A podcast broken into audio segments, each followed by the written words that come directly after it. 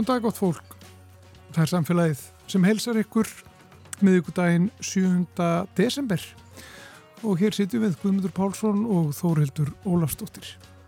Hímislegt á dasgur og hjá okkur eins og fyrir daginn við ætlum að ræða um samskipti milli lækna sem og annars helbreyðstarfsfólks og almennings. Það hefur aldrei verið jafn auðvelt að eiga í svona samskiptum með ja, hilsuveru og öðrum rafrænum leiðum en það fjölgar þeim sem er gott en líka slæmt, segja sömur heimlislegnar sem ergja sér mörg á því sem að þau kalla rauðvíns skilabóð. Það eru skilabóðin sem á komin á hilsuveruna til þeirra frá fólki sem er kannski ætti kannski að halda sér frá leiklaborðinu síðlega á kvöldin spyrja lækna sinn hvaða rauðvín þeim þykir best eða því sé ílt allstaðar og vilja fara í alla skannan og alla blóðpröfunar eða bara að því leiðist og longja að fá sér hund hvað finnist lækninum um það? Við ætlum að ræða um þetta uh, bölvun og blessun heilsuver og ímislegt fleira vel heimilslækni hér á eftir Svo ætlum við að kíka þess ofin í jörðina spjalla þess um það smáa í jarðvegi Nú bendir allt í þess að ástæðu alvarlegar síkingar í Rossa stóði fyrir nokkru dögum eða reykja til eiturmyndandi jarðvegsbakteríu.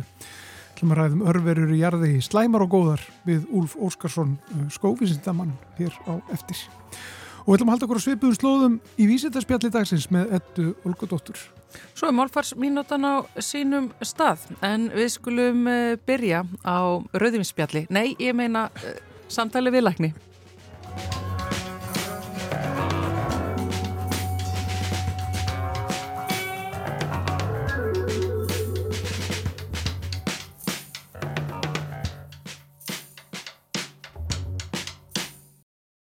Við ætlum að ræða samskipti lækna og annars heilbreið starfsfólks við almenning.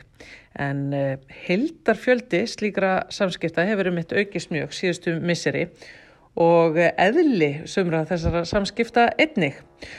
Otur Steinarsson, sérfræðingur í heimilisleikningum og varaformaður Læknafélags Íslands er hérna hjá mér. Sælvarsdóttur. Sæl, sæl. Sko í síðasta tölublaði Læknablasins þá fjallar þú um heilsuveru og hvernig hún hefur reynst, já, bæði blessun og, og bölfun. Getur það þess farið yfir þetta? Já, það er, heilsuverunar er framþróna vissuleiti í samskiptum við skjólstæðinga en, en hefur svona bakliðar að, að þetta auðveldar samskipti við okkur að mörguleiti en, en er líka aukið álag og kannski ekki þróa nógu vel í samvinni við það fólk sem á að, að vinna vinnuna. Hilsuveran er náttúrulega tæknilaust og þar leðandi eru ákveðinir hópar sem eiga erfiðara með að nota hana, eins og til dæmis eldra fólk sem er, er stækkandi skjólstæðingahópur, öldrun fjölgurum um það byrj 4% hér á landi á ári og, og þessi hópur þarf yfirleitt töluvert á þjónustu okkar að halda og, og það er svona okkar tilfinning að, að til dæmis þessi hópur geti orðið meira út undan í þjónustunni ef að helsuveran tekur meira yfir. Mm. Þannig að það þarf að skoða hvernig maður uh, setur svona samskiptu upp og, og hvaða segja, resúsar fara í hana. Því að, að eins og við í, í, í læknafélaginu höfum bent á lengi þá er, er skortur á heimilslæknum, það er búið að vera áratugum saman og eftir COVID og samlega fjölgun aldraðra með fjölþætt vandamál að, að, að þá er nú álægið heldur aukist undan fyrir árin hitt og ef þú ætlar að nýta þennan hópa sem bestan hátt að þarf það að, að endur hugsa þetta einhverju leiti. Mm -hmm. Sko það er einmitt bæði þessu hópur sem að þú ert að tala um aldraðir sem að kannski kunna ekki nógu vel á þetta og, og áttast ekki alveg á þessum samskiptamáta sem að þú hefur áhyggjur af en uh, þú ert líka að benda á að, að, að þetta einhvern veginn uh, já, e, bara ítur undir filtersleysi annars notendahóps sem einhvern veginn bara já, hálfpartin misnotar helsuveru. Já, það, það er alltaf hættan á því en, en við höfum verið aðeins að spórna við þessu og það sem við hefum gert núna síðan að greining kom út er að, að við höfum verið að, að, e, minga opnunatíman á heilsuveru hvernig þú getur sendið inn skilabóð ja. þannig að það sé ekki hægt að senda það inn senda kvöldin á nætunar eða um helgar þegar okkar þjónustæðin alltaf við erum dagvinnu starfsemi og við erum að svara þessu yfirleitt á dagvinnu tíma þá mörg okkur þar með tala ég hafi verið að svara svo oft um helgar og annað til þess að, að hafa svigurum fyrir annað í vinnunni á, á mánu degi en e, það, það sem hefur ekki okkur á er að það kannski það, það lík hugsanlega hafa einhverjir skrifað einhver skilabóðum helgar í glasi og annað slikt og þetta er ekki alltaf viðegandi samskipti. Nei þetta er eitthvað sem kollegiðinn Hjerarslæknar og Versturlandi kallaði eh, rauðvins skilabóð á heilsuveru og, og, og er greinilega eitthvað sem margir læknar og kollegiðinn kannast við. Já, á, það, þetta hefur skánað við það að, að, að takmarka opnatíman. Svo er líka eh, annað að, að það hefur komið fyrir þó að séu komni þröskuldara í helsuvöruna að, að vera ekki að senda bráða skilabóð inn að, að þá hefur fólk verið að senda inn um helgar það sem er brjóstyrkaðana sem er náttúrulega brátt vandamál og mjög aðkallandi sér svarað og þá er ekki gott að það liggi í helsuvöru skilabóðum á mánudagsmótni. Já, já, einmitt, vissulega. Aftur, þessi skilabóð, eh, þið, bæði þú tekur dæmi í, í greininu þín í læknablaðinu og, og, og, og einmitt kollegiðinn sem að vera viðtali og vísu.is hafa tekið dæmi og þetta eru spurningur um bara, mér leiðist á ég að fá mér hund. Uh, hérna, ég, ég er alltaf þreyttur, ég vil fara í allar blóðpröðunar, eitthvað svona. Já, já, það koma svona skilabóð. Já. Sko mér langar að staldra meira við þetta því að þessi hérarsleiknur og Vesturlandi sem að var í viðtali á vísi hann hérna tala líka um sko að það er ekki þó bara uh, þetta með helsuveruna heldur líka kannski að uh, fólk hefur samband bara yfir öllu mögulegu og ómögulegu uh, og þetta er eitthvað sem að heilsugjastlan hefur líka náttúrulega verið að, að reyna að, að spórna við þetta með að æla heima og og stundum er hvefpest ekki alveg til henni til þess að hafa samband við lækni og, og hann tekur nú dæmi um það þessi héraslæknir að hann hafi verið vakinu miða nætur vegna fólk sem var með hæðatregðu og annars fólk sem var í uppnámi eftir rifrildi og, og vildi fá sjúkrabíl sendan hindi sín. Hann þarf að vakna til þessara skilbóða og gera eitthvað í þessu. Já, já. Nei, það sem að, að er mín tilfinning er að við þurfum að, að endur skoða svolítið hvernig við erum að nota heilbríðskerfi. Við höfum takmarkaða takmarkaðar öðlindir af mannskap í heilbríðskerfinu til að sinna öllu og uh, til dæmis í veikindu það sem er ekki, ekki, ekki til dæmis hita löst einhver búin að hósta í fjóra dag engin önnur engin að það er kannski réttast að býða þá. Mm -hmm síðan er ímislegt annað, það er verið að senda á okkur beðnir um vottor hægri vinstri, eitthvað sem var búið að taka á í Svíþjóð þegar ég var þar eh, á árunum 2007-2014 hér eru að drukni í vottorðum, það eru allir að senda okkur ímsa vottorðabeðnir líku við, eh, það eru lögfræ, lögfræðingar vandi skadabótamála við um að vera að fara yfir sjúkraskrár skjólstæðinga okkar og endur, endur segja sjúkrasögu með tilliti til sagt, áverka í slísum við eigum að, að gera vottor sem að lífeyrissjóðir hafa sjálfur smíðað sem þeir senda skjólstæðinga á sem eru fjóra síður til þess að fólk geti skipt lífeyrisréttindum sínum. Og það verður að tala um það við þurfum að fara í gegnum sjúkarsögu viðkomandi. Við eigum að gera skoðun og skrifa þetta. Fólk er að mæti 20 minna viðtöl með þetta E, tryggingafélag hafa verið að gera svipað eh, til dæmis sjóa eh, þannig að, að það, það er ímislegt sem að þarf að endur skoða hérna þannig að, að við getum nýtt þann mannskap sem vegum til þess að sinna nöðsynlegri helbriðstjónustu og nýtist sem best. Þannig að þekking okkar nýtist sem best og, og við fáum að njóta okkar já, betur í starfi myndi ég segja en þetta, veist, með tryggingafélagin og slísabóta skráningarnar og veikindavottorðin og, og, og það allt. Eru þetta kerfi sem er ekki að tala saman eða eru önnur kerfi bara að færa verkefni yfir á heilsugjæsluna og heimilisleikna eða hvernig, hvernig gerist þetta? Hvernig verður svona, svona til?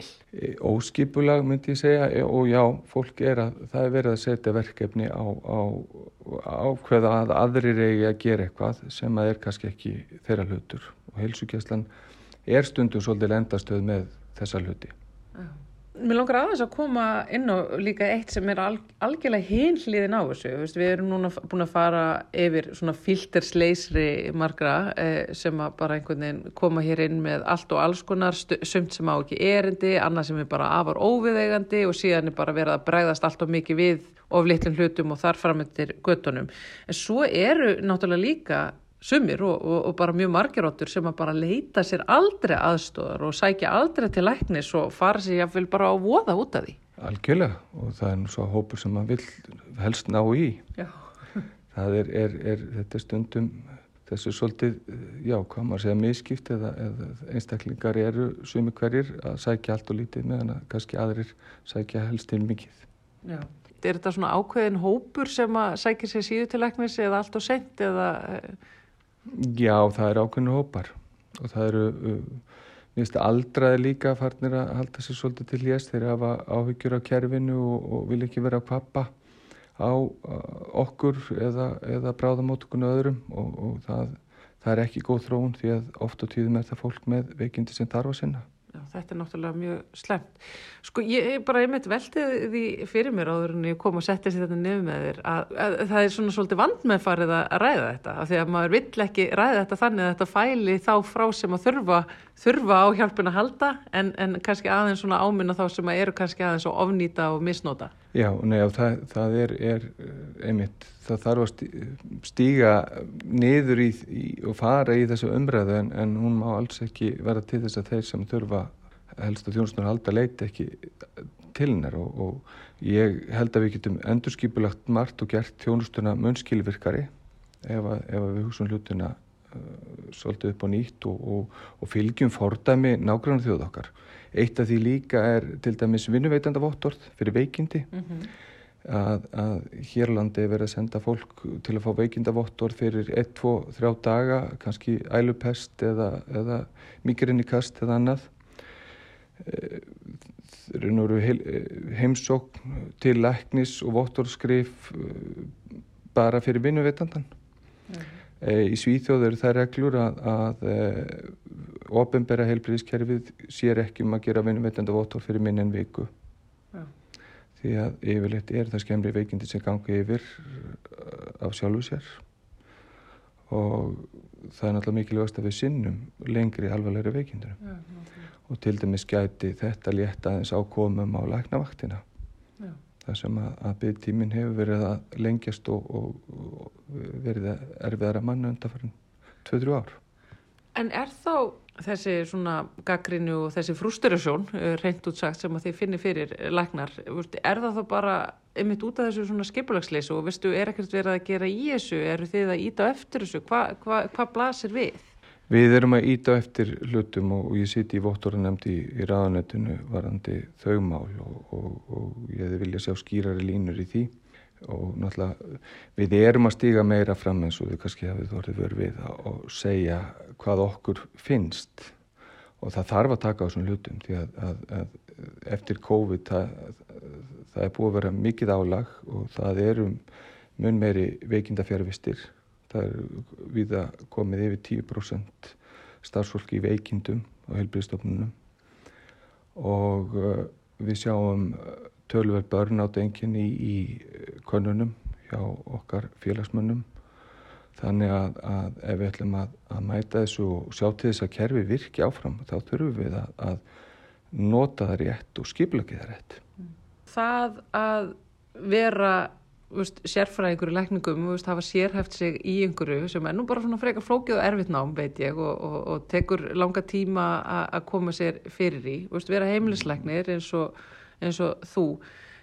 Þegar kannski 40% 50% vinnudagsins fer í eitthvað sem að þér kannski finnst alveg einstinni vera bara, ó þetta er óþarfi þetta er, þetta er ekki það sem ég var að læra til þess að gera Nei, það er, það er ekki gott Ég reyna að skilja þessa frústur Já, sko. já, já, hún er tölverð og það sem að, að, að Ég hef fundið fundi gerast með árunum er að verkefnin aukast og, og við, ég er aldrei búin að tæma borðið mitt eða reyns upp þau verkefni sem að liggja fyrir þegar ég fer heim úr vinnunni. Ég fann í raun og veru forgangsraða verkefnum og ég fann að skilja eftir eh, hluti að því að ég það bara að fara heim og sína minni fjölskyldu og annað og sækja, svon minn gær þurfti að sækja hann klukkan 5 á handbóltæfingu og ég hljóp hérna út tímyndur í 5 til þess að sækja hann og, og kláraði ekki að svara all heilsu verið skilabúðun og annað slíkt. Þannig að og þetta er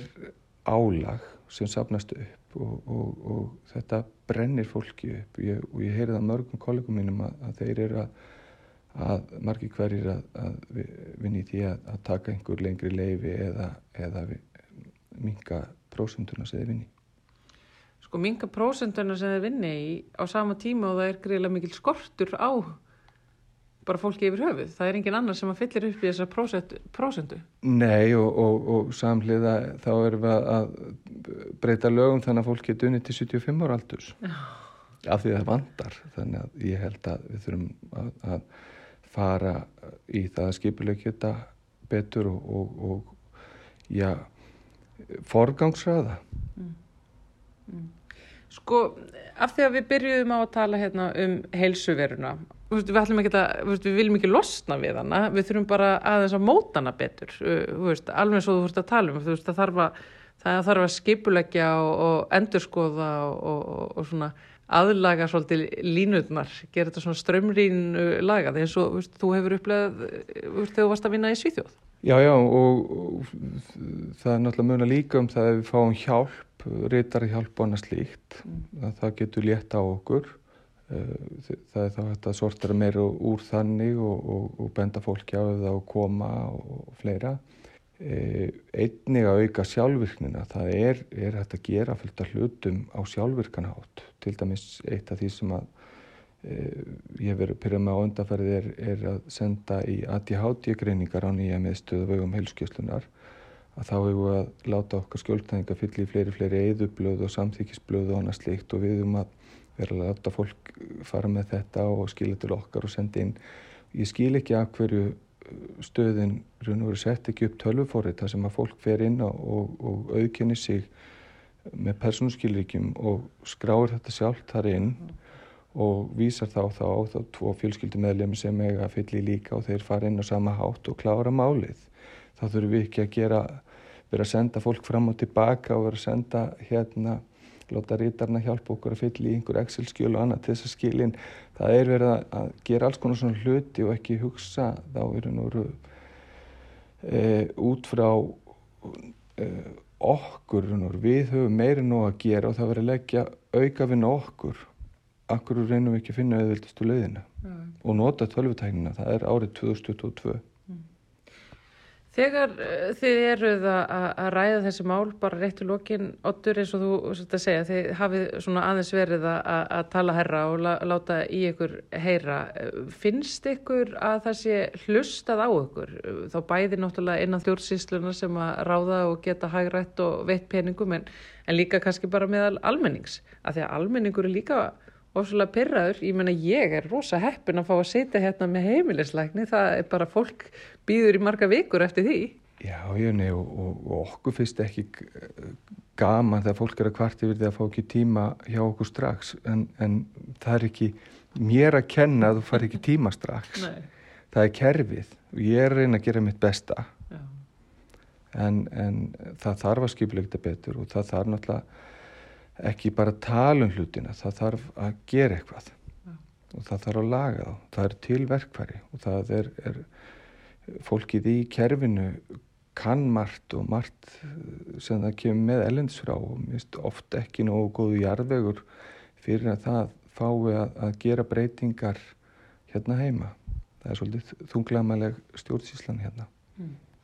Já, það verður allavega aðtilsvært að fylgjast með ykkur, uh, já, tala herra og meira og, og reyna að uh, hérna, stýra þessu skipi í rétta átt. Takk hérlega fyrir tímaðinn, Ottur uh, Steinarsson, sérfræðingur heimlisleikningum. Ég veit að hann er mjög vermættur og eftirsóttur. Takk fyrir spjallið. Takk fyrir sem leiðis.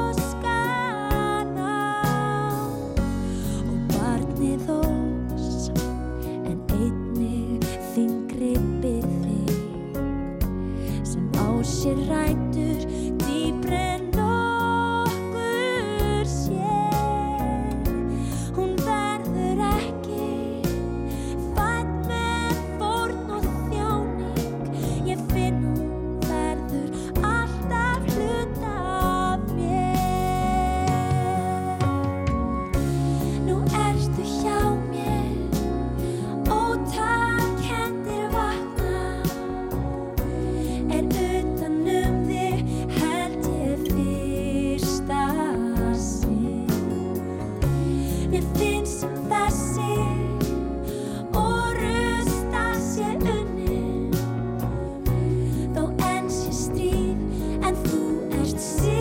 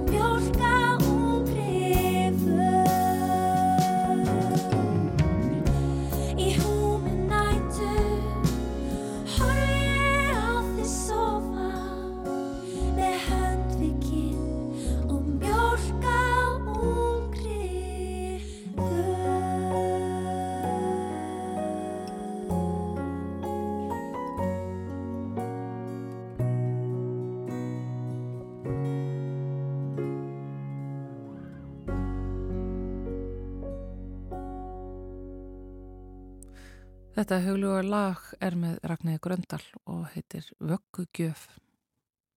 Nú komið ljós hvað olli uh, hópsíkingu í Rossastóði á Suðurlandi og í Hesthúsi á höfuborgarsvæðinu.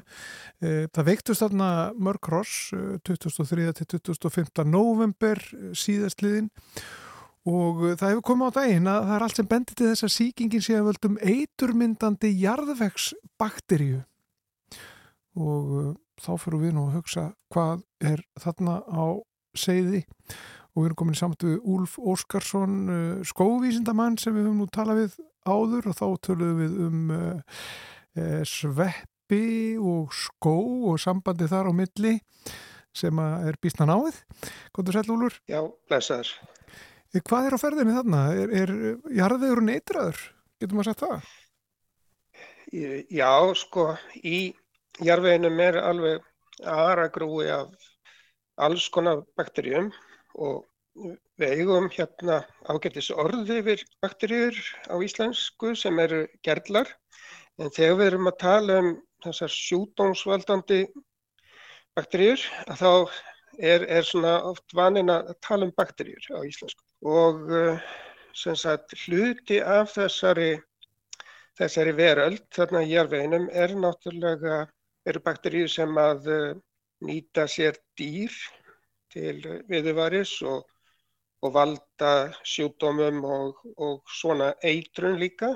Þetta er það með skildist á flettinni þá, þá er þetta eitthvað svona stífkrampi sem er uh, svo sem velþektur og, og bakterja sem að veldur stífkrampa er nánast allstaðar og uh, í jarfiðinum bara býða þær sem tvalargró eftir því að komast í sári eða, eða jábel verða jætnar með öðru og, og geta valdi svona, já þetta, þetta er ekki beinleins faraldur sko, það, þetta smitast ekki á beint á milli krossana í þessu tilviki en, en Þarna í jarfiðinu var greinlega mikið af þessum dvalagróum og þegar menn voru að, eh, hvað, voru það ekki spröytarhossin, að þá var, voru þessi gró á feldinum og komist þá inn í blóðrásina.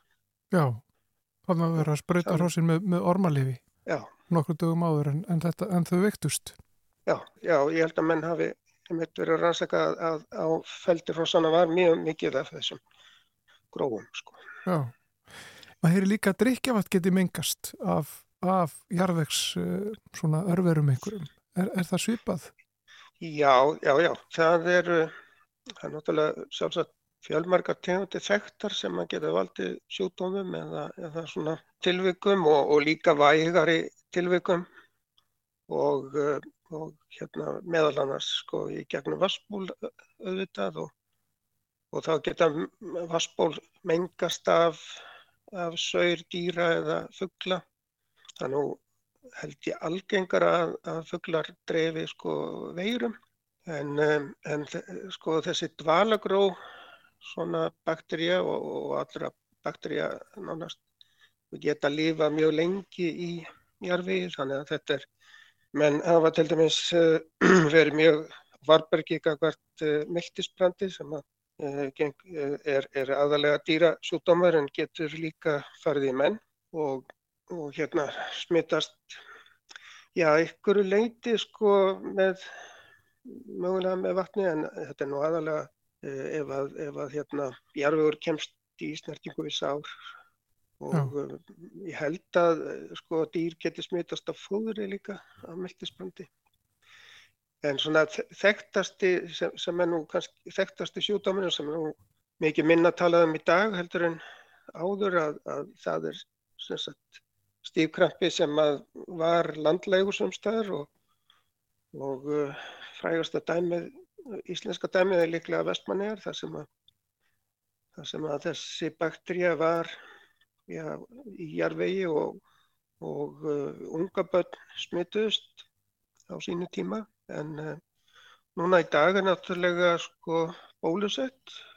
Og börn eru bólusett gegn þessu en það er ekki allt hættulegt í jærveginum Nei, það er nú nokkulega málið. Það, það er ekki allt hættulegt og, og það er hægt að, að um, já, nýta sér uh, þetta, þetta smáa þetta agnar smáa til þess að aðstóða því stóra.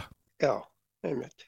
Það, það er sko, bakterjur eru náttúrulega sko, alveg ótrúlegur ótrúlegur fyrirbæri búið að vera lengi á sagt, þetta er elsta lífið á jörðinni og við erum að hafa komið fram bara já, um leið og skilir þið leifiðu sko, eftir að jörðin myndaðist. Og um, er sem sagt búið að vera vera hér í nokkra miljóra ára og hefur þróast með öðrum lífurum og, og er bæðið að nýta sér þær og, og síðan hafa aðra lífverður sko lært að nýta sér þessar, þessar bakterjur og uh, það er sko þetta er alveg, alveg heil heimur og starfsemið þeirra er svo margbreytileg, svo fjölbreytt þetta, og þetta er algjörlega, sko, þetta er algjörlega nöðsyn, nöðsynlegar lífurur, sko, það er, það er sem sagt sjáum meldinguna hjá okkur og, og þar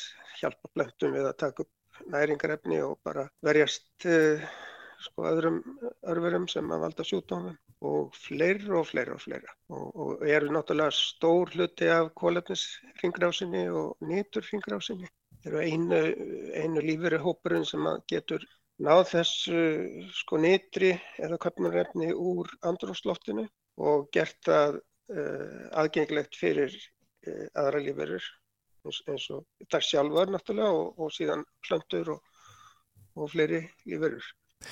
En er einhvern veginn þetta að sko hafa að stjórna á því öllu þessu smáa einhvern veginn í, í jarfiðinum uh, til dæmis í, í ræktun?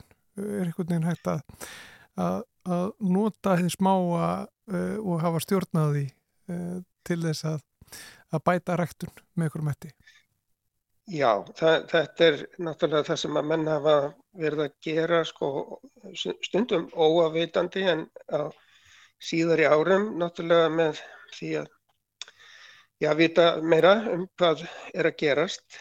Og uh, þannig er af nóg að, að taka sko, það er, eh, menn er að reyna að bæta vöxt eh, nýtjaplantna með því að hafa, já, fylgjast með og hafa einhverja stýring á því hvað, hvers konar bakteríu samfélag eru til staðar við rótakerfi plantana og í jarðveginu og svo náttúrulega það sem menn hafa gert í gegnum tíðina að, að sko bæta ræktaland með því að setja þákað ja, plöntuleifar eða rótnaða plöntuleifar, moldu, sapni á mold og, og hústýra áburð, allt hefur þetta áhrif á uh, jarðvegsflórunna og og svo eh, sem sagt jarðvinnsla sem sagt þegar menn plæja neitjaland til þá hefur verið rauninu verið að, að skipta um uh, örveru samfélag og þetta til dæmis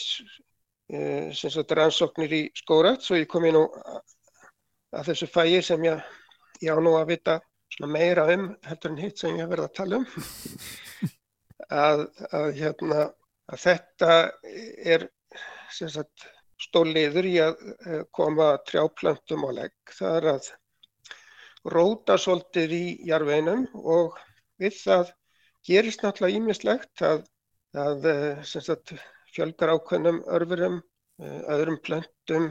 Tilgangurinn er náttúrulega að reyna að halda aftraf öðrum plöntum á meðan en hérna trjáplöntunar er að vaksa úr grasi og síðan náttúrulega e, bætir þetta beinlýnir skilurðin fyrir trjáplöndunar og e, þetta kemur meðal annars inn á það að, að marga língtegundir eru með öflug sam, samfélag sveppa og, og bakteríja í kringum ræturnar sínar og, og í mjög grónu landi þá getur þetta haldið aftraf trjáplöndum og e, skandinaviskar rannsóknir og rannsóknir við um heim sko hafa sínt fram á þetta.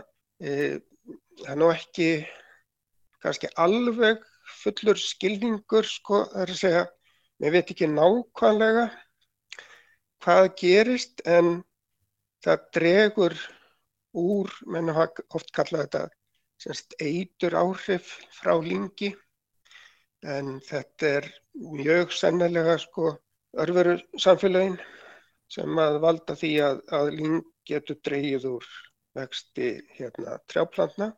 En svo aftur á illa grónulandi þá, þá fer lyngið hins vegar að hjálpa trjáplantunum. Þetta er svolítið sérstætt sko. Og það er út af því að, að telja menn að sko lyngið er í raun og veru með sumar af þessum um, já, sveppum sérstaklega, þessum gaglígu sveppum sem að geta hjálpað trjáplöndum við erfiðari aðstæður.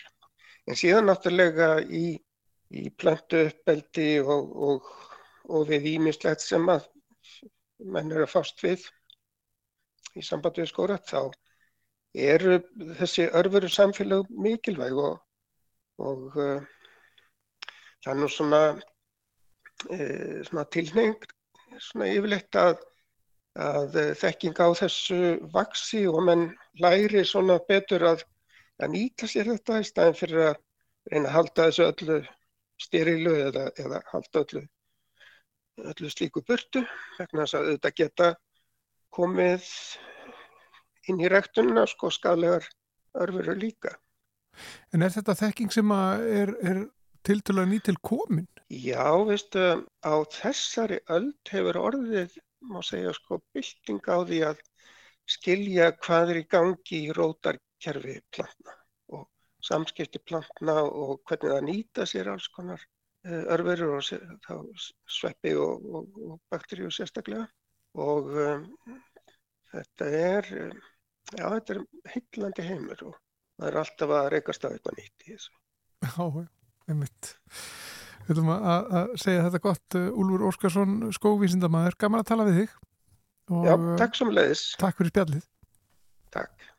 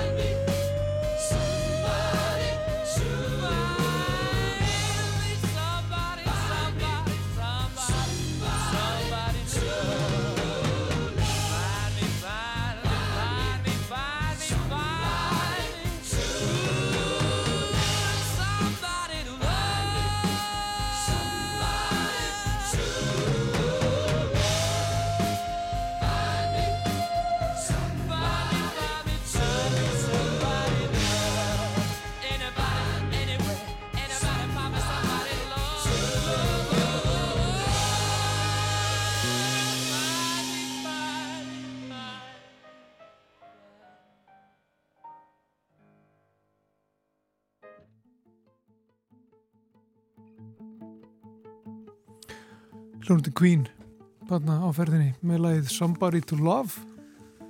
Stórkvæmslegt lag, mjög jólulegt um, það er mikill kraftur í því. Jólulegt, já. En það líður á jólum. Það líður hann á jólum er og, og þá eru nú sko svona ýmsir þá fer maður að líta svona í kringu sig. Bæði eftir gjöfum og alls konar svona sem maður þarf að skoða og taka til og gera. Og það var frábæra ábæting sem að datt inn á Facebook síðan á áhuga hóp um endurvinnslu og endurnýtingu hér um daginn um, það er til dæmis á svona miklum svona skýrneislu heimilum er það þannig hjá þér Guðmundur?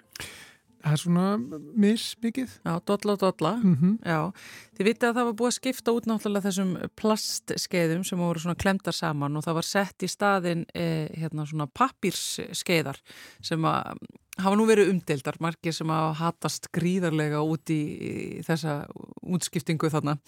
Þessa pappírskeiðar þykja að vera mjög lélegar til þess að móka upp í sig skýri Þannig að það er nú eitt, við ætlum ekkert að fara inn í það, við erum í jólunum hérna. Já, og, en öðrum finnst þetta bara ekkert mál. Sko. Já, ég... Svo því sem er haldið til. Já, ég, ég, ég, ég hef borðað skýr með þessari hérna pappiskeiður og ég bara fekk skýrið upp í munnin og það var bara allir sáttir hér. Rann sína leið, já. En svo er það náttúrulega þannig að bara á miklu skýrnislega heimilum og þá er ekki þörf á að vera nota þessa pappirskeið, þannig hún er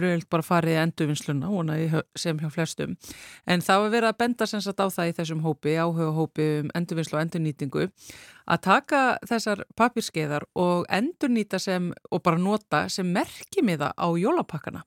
Af því að núna hugsið þið bara hvernig það líti út. Það eru fullkonar, það er hægt að geta setja limmiða eða teikna mynd framan á og svo er mér þess að gat e, þar sem hægt er að þræða bandið e, um pakkan í gegnum. Og þetta eru bara afskapla flottir og skemmtilegir e, jólamerkimiðar og við etjum ykkur til þess að sapna þessum pappiskeiðum sem að falla til þarna heima hjá okkur saman og merkja alla jólapakkan og svona og svo náttúrulega bara, veist ef fólk er sama að borða bleka þá er kannski alveg hægt að nota síðan merkjum sem skeiði setna meir það, og ekki alltaf að nota allt físar er það ekki, er það, ekki það sem maður á að gera? Að minnstakosti. Að minnstakosti. Tjekkið allavega ná þessu. E, í staðin fyrir að henda pappaskeiðinni notaðan sem merkjum í það. Hér á eftir er vísendarspjalli með Edda Olgudóttur en fyrst skulum við nú henda í eins og eina málfarsmínútu.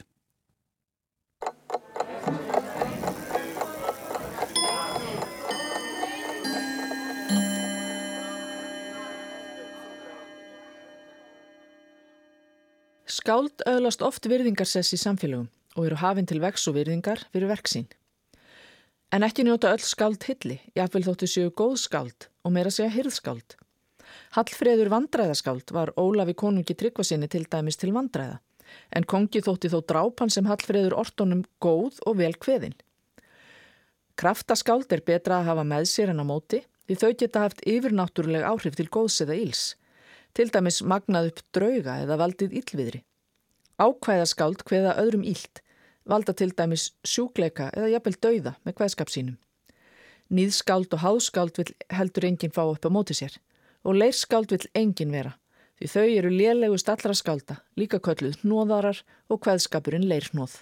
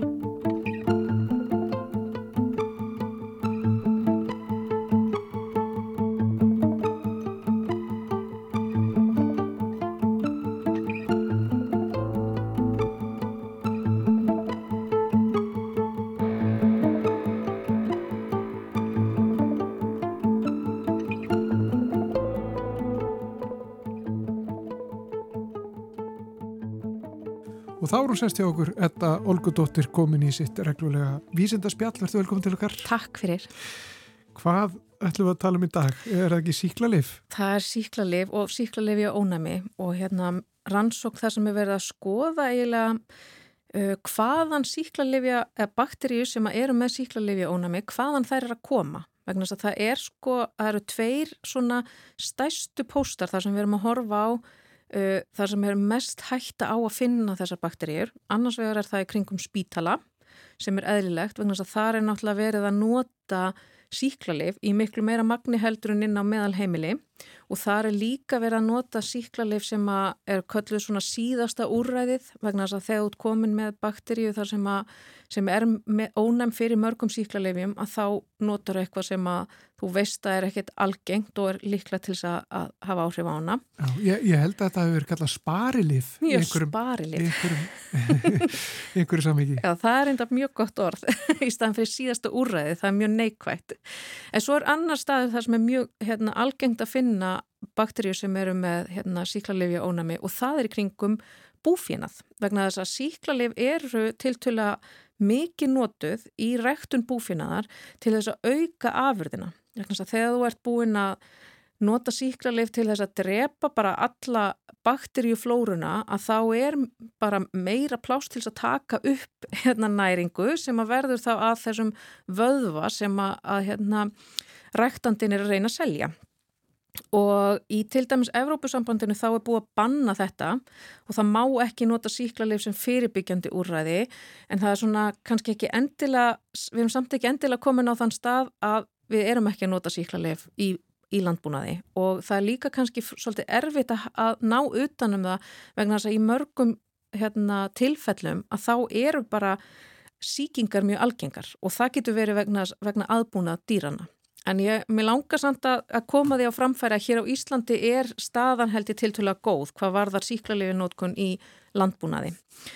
En þegar að hérna það sem að gerist þegar að bakteríur taka upp svona síklarlefi ónami að það er, hérna, er taka semst upp erðaefni frá öðrum bakteríum og þetta er bara tiltöla algengt ferli hjá bakteríum að þær eru svona að taka upp eitthvað sem er í umhverfinu og svo hefur einhver bakteri að drepist þannig rétt hjá og það er fara svona að þreyfa á því hvað þetta er og ef þetta er eitthvað sem er heppilegt að hafa að þá innlimaðir það inn í sitt erðaefni og maður getur ímynda sér að ef þú ert á stað þar sem er til dæmis landbúnaðar í gangi og mjög mikið af síklarlifum í umhverfinu að þá er mjög heppilegt að hafa eitthvað gen í erðamenginu sem að brítur niður þetta síklarlif eða hindrar virknin á því að því þá deyr þú ekki og getur haldið áfram að fjölka þér.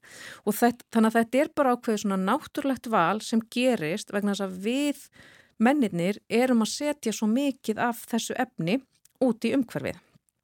Og bakterið eru svona misflinkar við að taka upp þessi erðaefni og til dæmis hefur í umræðinu um síklarlefi ónamar bakteríur þá hefur hérna, einn bakteri að vera svolítið hátt á umræðu listanum og hún, það er hérna stafilokokkus áraus og þetta er bakterja sem að finnst sko í jarðvegi, á húð og hún finnst nánast allstaðar og hún er oft til staðar á okkur þó það sé hérna, þó hún ger okkur ekki megin og lifir í okkar eðlilegu örveru flóru en getur svo valdið tækifæri síkingum sem að geta verið mjög skadalegar sérstaklega ef að þær eru með síklarlefi og ónæmi þessar bakteríur. Og eru það helst á húsíkingar eða síkingar í gegnum húð? Geta bara verið alls konar síkingar, já. já. Og hérna, og önnur svona bakterja sem er mjög svipu, hún er af hérna ættkvíslinni Klebsiella og það var eiginlega hún sem var tekin fyrir í þessari rannsók sem ég ætla að tala um núna sem er unnin við University of Bath í Breitlandi og þar eru þau að sapna sínum, alls konar sínum úr sko gæludýrum, úr fólki, úr hérna vatni, úr jarðvegi og þau sapna sínum bara út um allt. Og þetta er á norður Ítalju og mjög svona afmörkuðu svæði. Og það sem þau eru að hugsa er að reyna skilgreina hvaðan síklarlefja ónamar bakterjur er að koma.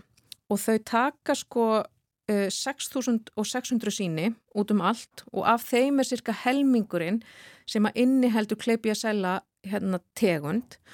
Og svo raðgreina þau tegundina til þess að sjá hvernig erðaefnið er uppbyggt og til þess að geta sko skilgreint hverjar eru skildastar mm. og þetta er hérna, þau gera bara, þau gera heilraðgrinningu á öllu hérna erðamenginu og þannig geta þau sko raðað saman hvað er líkast og þannig búið til ættartrið og þetta er náttúrulega ekki gert handvirt. Þetta er, hérna, þú þarf mjög öllu og tölvu til þess að geta lesið út úr þessu vegna þess að heilraðgreining á bakterjum er, hérna, er ekkert 2-3 basar sko og svo þegar þau raða þessu upp að þá kemur í ljós og þau eru að taka síni bæði sko hérna, umhverju síni og, og hérna, síni úr fólki bæði við sko sjúkrahús og við hérna eitthvað sem býr nálagt landbúnaði, þar sem að landbúnaður er, er viðhafður.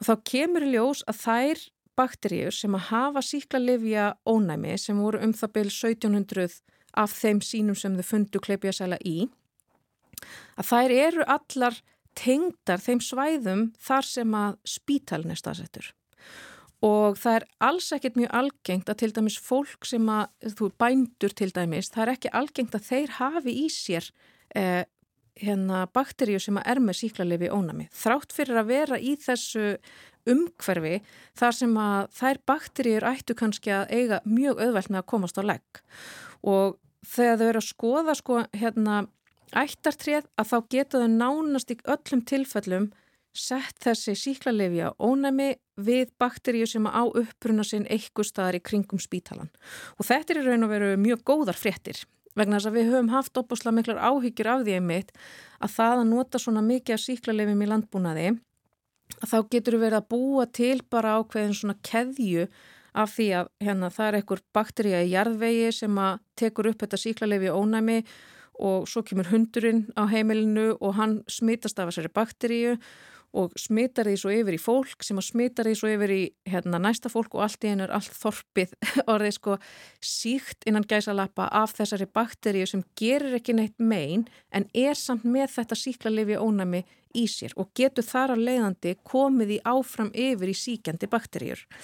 Og þarna meða við þessar ansóng sem er auðvitað bara gerð á mjög afmörkuðu svæði að þá er það ekki að gerast. En við verðum samt að hafa í huga á meðan að, hérna, á meðan að sko pressan er svona mikil í umhverfinu að þá getur alveg verið að við séum bara ekki komin á þann stall að við séum farin að taka upp þessar bakteríur og færa þar á milli manna.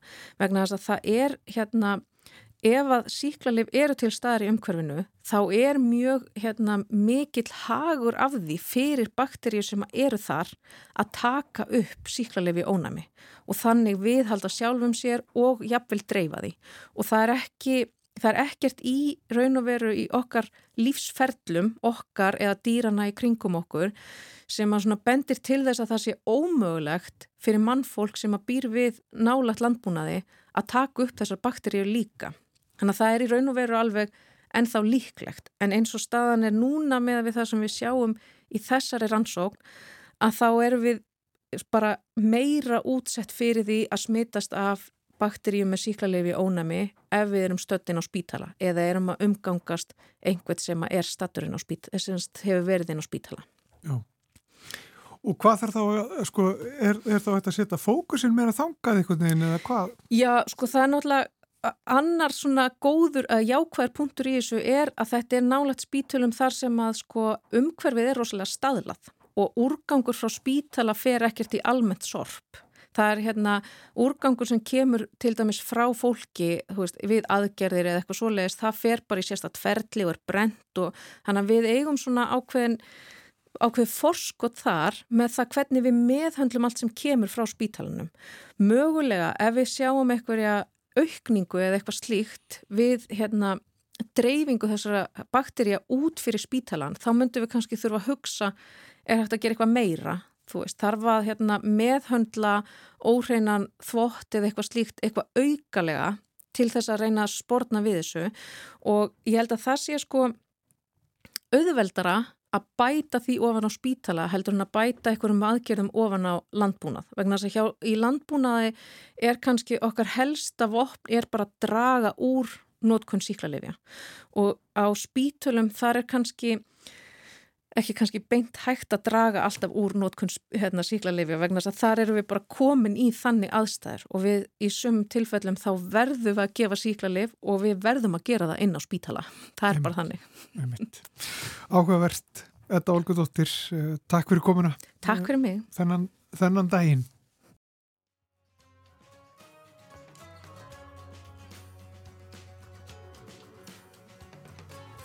Og með því ljúkum við samfélaginu miðugudaginn 7. desember. Já, en það kemur 50 dagur eftir miðugudegi. Og 8. eftir 7. Já, þannig að þetta heldur allt áfram sinn vana gang því þekki þetta það því þeirra verður líka samfélagið á morgun. Heyrust þá, verið sæl.